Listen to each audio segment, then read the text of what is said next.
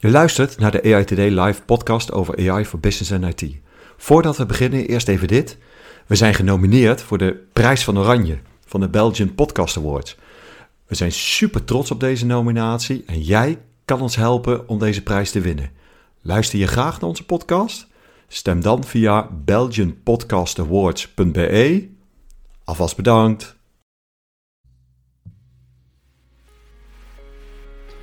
Welkom bij een nieuwe aflevering van de Today Live. Leuk dat je weer luistert. Mijn naam is Niels Naglee, Chapter Lead Data AI bij InfoSupport. En ik ben Joop Snijder, CTO bij Agency. En ik ben Hidde van de ploeg. de gast vandaag. Ja, leuk Hidde. Leuk dat je aan wilt sluiten. Um, zou je luisteraars uh, iets meer over jezelf kunnen vertellen? Ja, tuurlijk. Um, ja, ik ben een onafhankelijke appmaker, is, is wat ik tegenwoordig zeg. Uh, ik ben van origine altijd uh, app, app um, designer geweest. Voor veel verschillende apps in het verleden, ook grote Nederlandse apps wel. En eigenlijk mezelf in de laatste jaren omgeschoold tot, tot developer ook. Dus eigenlijk weet nu, maak ik gewoon eigen apps voor mezelf en anderen. en wat voor apps? Ja, ik, heb echt, ja. ik heb echt uitgekeken naar, naar deze aflevering, Hidde. Want ja, ik gebruik jouw app ook veel. Uh, dus misschien moeten we even met de deur in huis vallen uh, welke app je gemaakt hebt. Tenminste, ja. zal ik het even vertellen van uh, PT. Ik gebruik PT heel veel. PT is een manier om ChatGPT te gebruiken via, in eerste instantie was het je horloge, en nu kan het horloge en, en telefoon. ik gebruik het veel. kan je er zelf iets meer over vertellen? Ja, zeker. Ja, ik heb de, ja, PT dus gemaakt. Het uh, grappige was, toen ik hem lanceerde, heette het nog Watch GPT. Dus het was inderdaad, uh, ik begon op de Apple Watch. Um, en uh, grappig genoeg is het idee eigenlijk vrij organisch voor mij ontstaan. Want ik had al best wel veel ervaring met de OpenAI API. omdat ik dit, dat had geïmplementeerd in een van mijn andere apps. Um, ik heb namelijk een doelstelling app, die heet Gola. En daarbij had ik de OpenAI API gebruikt om advies te genereren van hoe kan je je doelen behalen. Mm -hmm. uh, op basis ja. uh, van, van AI. Um, maar daarnaast had ik ook al vijf verschillende Apple Watch apps gemaakt. En uh, toen OpenAI de ChatGPT API vrijgaf, toen was het voor mij eigenlijk al heel snel van Oh, dat zou eigenlijk super lachen zijn om, om gewoon op, vanaf je pols te kunnen babbelen tegen ChatGPT zonder te hoeven te typen en zo. Ja. En voor die, voor die kleine weetjes, uh, want serie die weet nog steeds vrij weinig. Behoorlijk. Misschien verandert dat volgende week. Maar um, ja, dus zo is dat idee eigenlijk vrij snel ontstaan. Um, en grappig genoeg begon ik uh, met bouwen in de ochtend. En ik had eigenlijk al een werkende prototype echt in een uurtje of twee in wow. elkaar geknutseld. Um, en toen heb ik als uh, oud designer zijnde de rest van de dag alleen nog maar lopen knutselen aan, aan het robotje zelf en, en, de animaties en hoe het er dan uit moet zien. Uh, en volgens mij in totaal de eerste versie heb ik echt in totaal in een dag of twee uh, gemaakt en ook naar de App Store ge gegooid, zeg maar. En hoe lang heeft het geduurd dat het is opgepikt? Want ik kwam op een gegeven moment uh, kwam ik het echt overal tegen. Hè? Dus jij, jij hebt ja. een, uh, weet je, uh, corrigeer me als ik het fout heb, maar volgens mij heb je in Wired gestaan. Je hebt in 9 to 5 Mac gestaan. Ik heb je echt onwaarschijnlijke hoeveelheden Amerikaanse ja. publicaties heb ik gezien. W wanneer werd het voor jou opgepikt? Um, ja, zo de eerste dag dat hij live kwam gaan, toen was voor mij al van oké, okay, dat is best wel snel gaan. En hij was dus in eerste instantie live gaan onder de naam Watch GPT. Um, dat was een projectnaam voor mij, maar ik dacht dat het klinkt ook wel prima. Het vertelt ja. wel wat het is. Um, en ik, door mijn andere apps had ik al wat relatie opgebouwd met een aantal journalisten. Dus ik had hun gewoon het standaard riedeltje gestuurd van... hey, ik heb een nieuw appje met, met ChatGPT op je, op je Apple Watch. En voor mij was er ook nog niet echt een app die dat deed. Um, dus het was echt ouderwets uh, weer een eerste, een primeur, zeg maar. En ja, toen, ik ging volgens mij uh, de dag van lancering ging naar bed. Toen had ik al paar honderd downloads. dacht ik, oh, dit is leuk. en toen, volgende ochtend werd ik wakker. Toen waren het een paar duizend geworden. Wow.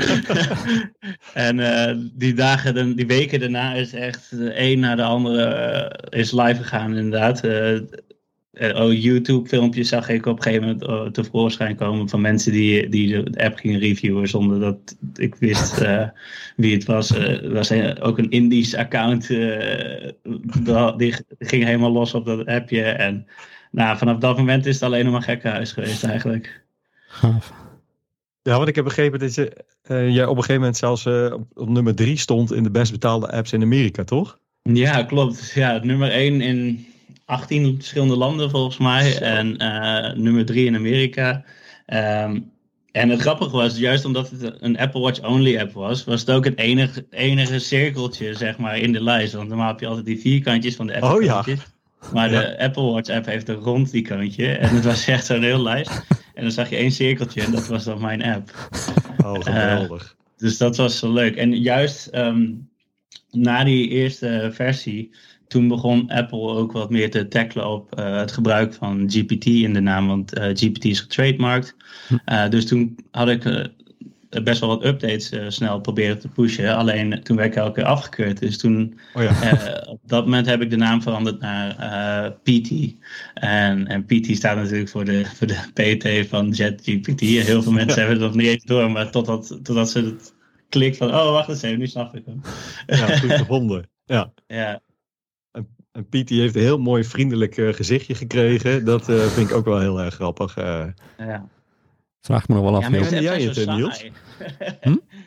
Ik, ik kende het niet, niet, inderdaad. Dus ik vraag me wel af, waar gebruik jij het dan voor op je telefoon of op je, op je horloge inderdaad? Want ik gebruik hem gerust nou, op, mijn, op mijn telefoon. Even, en, ja, even snel wat vragen.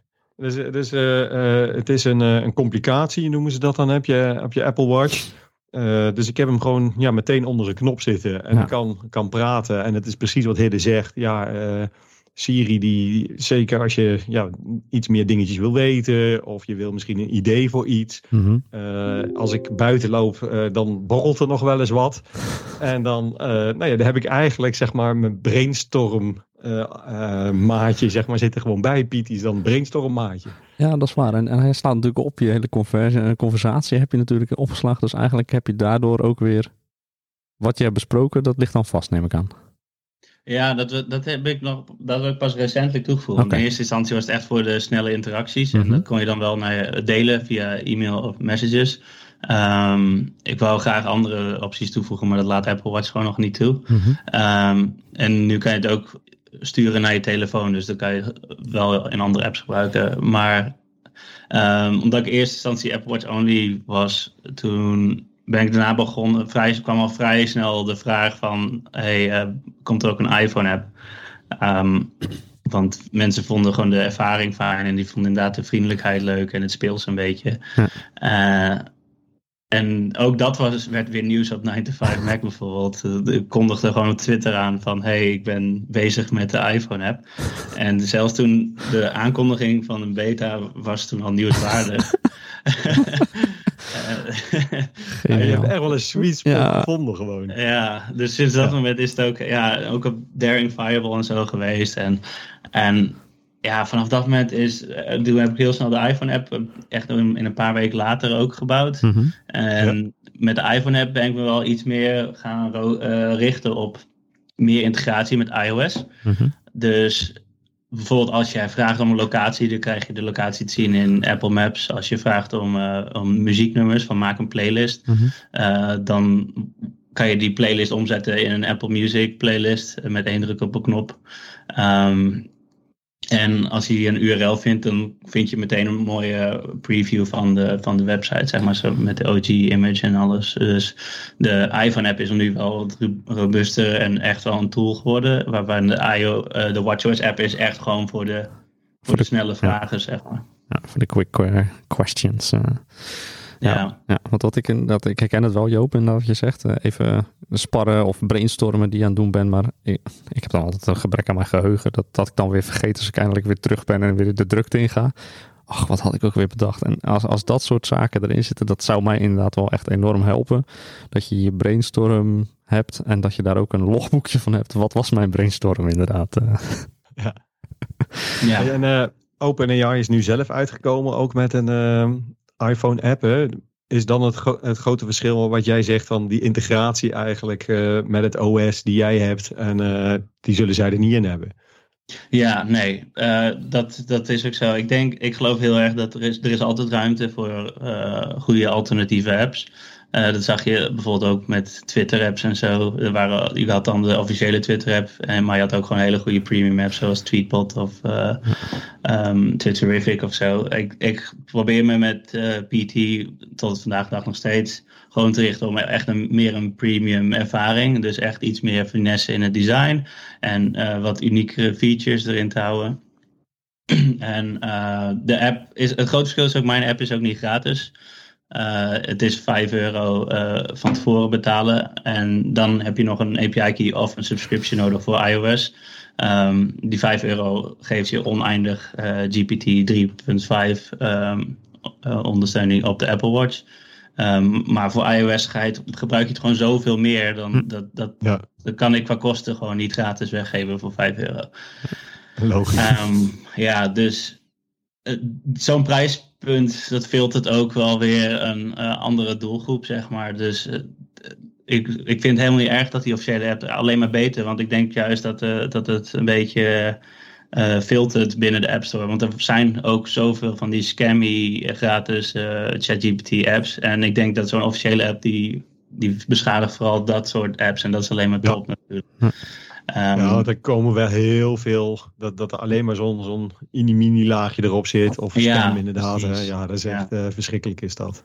Ja, en dat is heel lastig tegen te houden ook. Voor, ja, dan moet, moet Apple echt elke app heel nauwkeurig gaan checken natuurlijk. Maar er, er slipt er altijd wel een paar doorheen. En ik denk dat als je dan officiële alt, uh, hebt, dan, dan is dat altijd gewoon een veilige keuze. En als je iets meer wil, dan zoek je vaak naar artikelen over uh, adviezen van alt, alt, goede alternatieven. En bij de lancering van de officiële app zag ik zelfs weer een spike aan downloads. Omdat in heel veel blogposts ook zeiden van nou, als je een goede alternatief zoekt, dan is PT daar wel een van. Oh ja.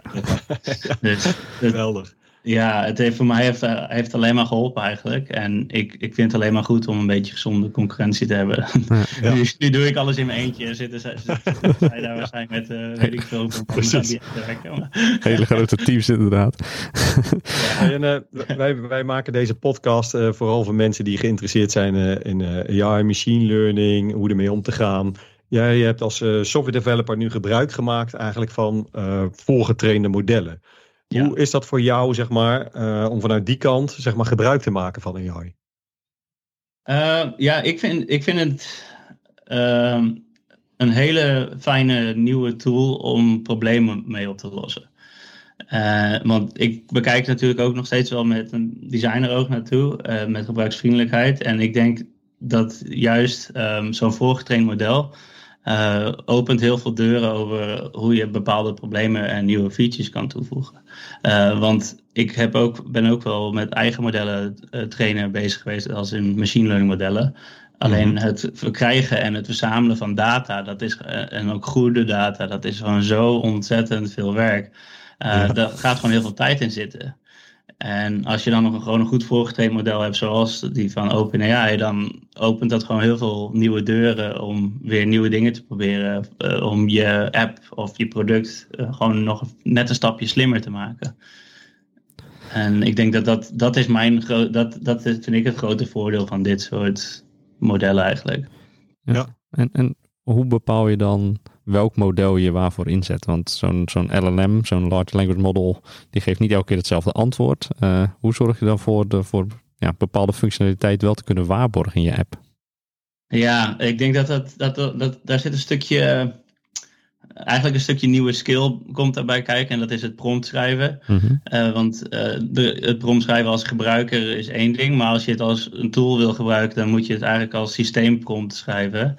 en, en daar moet je eigenlijk gewoon heel veel mee spelen. En waarschijnlijk is het nog steeds niet vlekkeloos natuurlijk. Er zullen hier nou wel gekke dingen tussen zitten.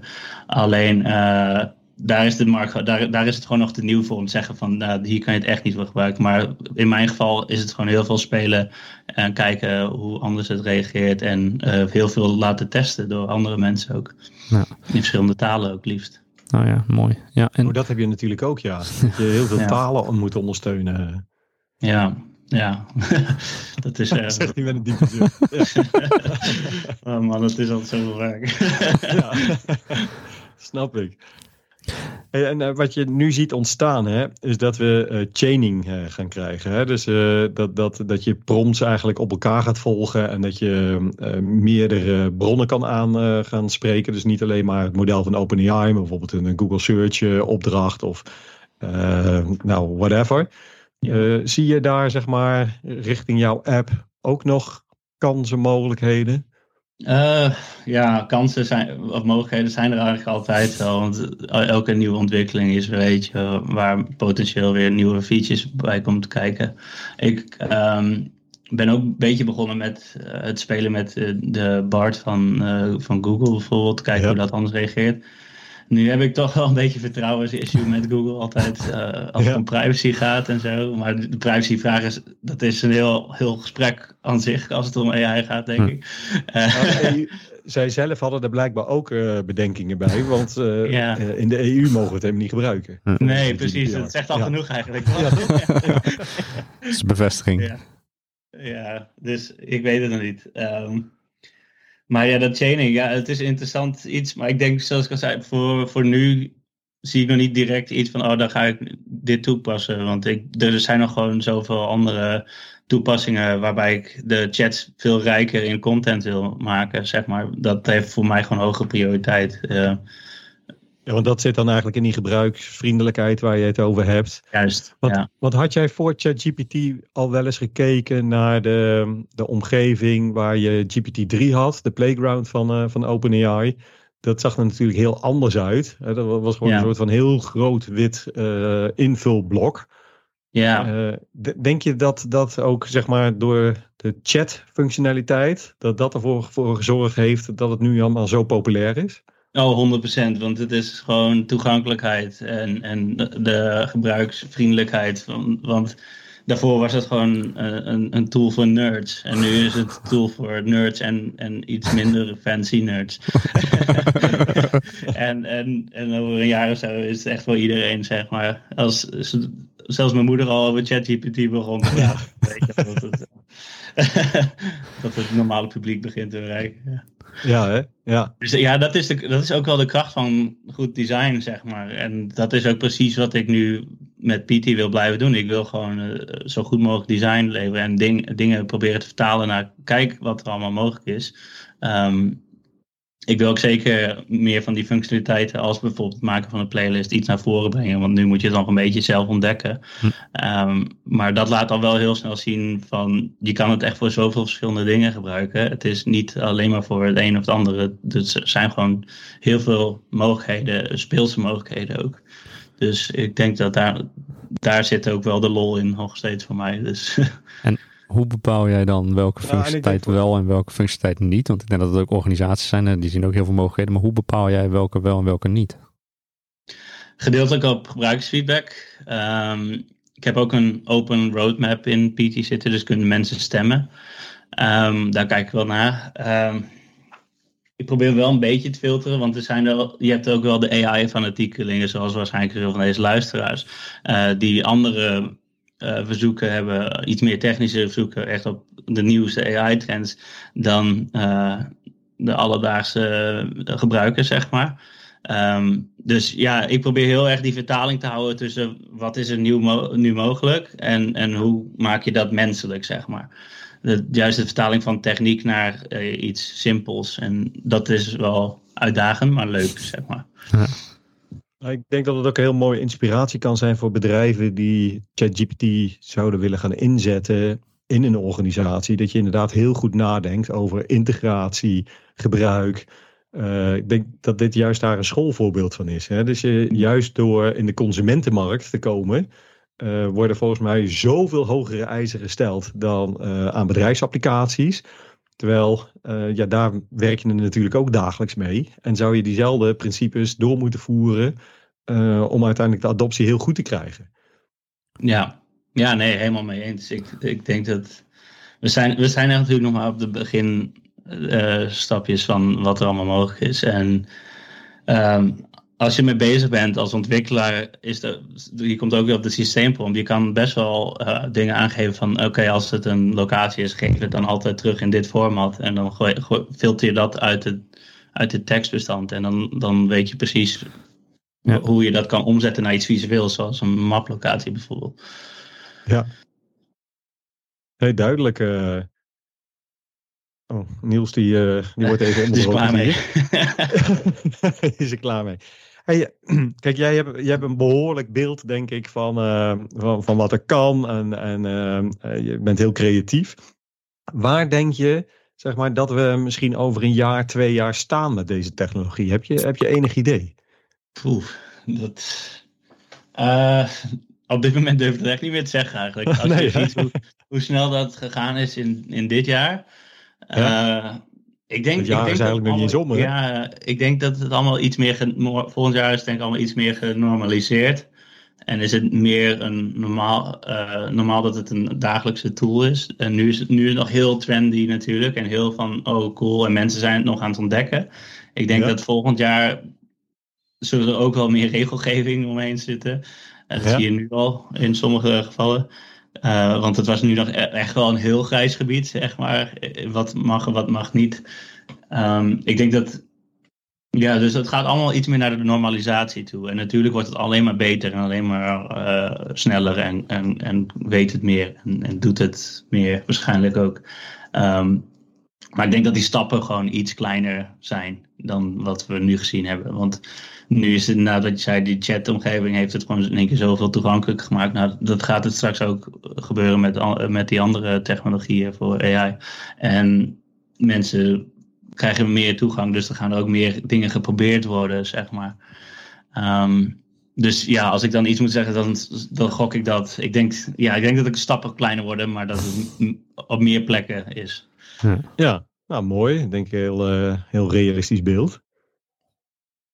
Ja, ik hoop alleen dat. Uh, ik hoop om te zien dat mensen helemaal gek gaan en, en, en, gewoon echt lijpe dingen gaan maken met AI. Want dat, dat, vind, ik, dat vind ik altijd een beetje het zoeken. Het, het kunst, het creatieve moet er wel bij in blijven, zeg maar. Anders wordt ja, het ook, toch? Ja, want anders gaan mensen nooit meer iets schrijven, zeg maar. En ook schrijven is een vorm van creativiteit natuurlijk. En ik hoop dat mensen heel creatief worden met prompt schrijven.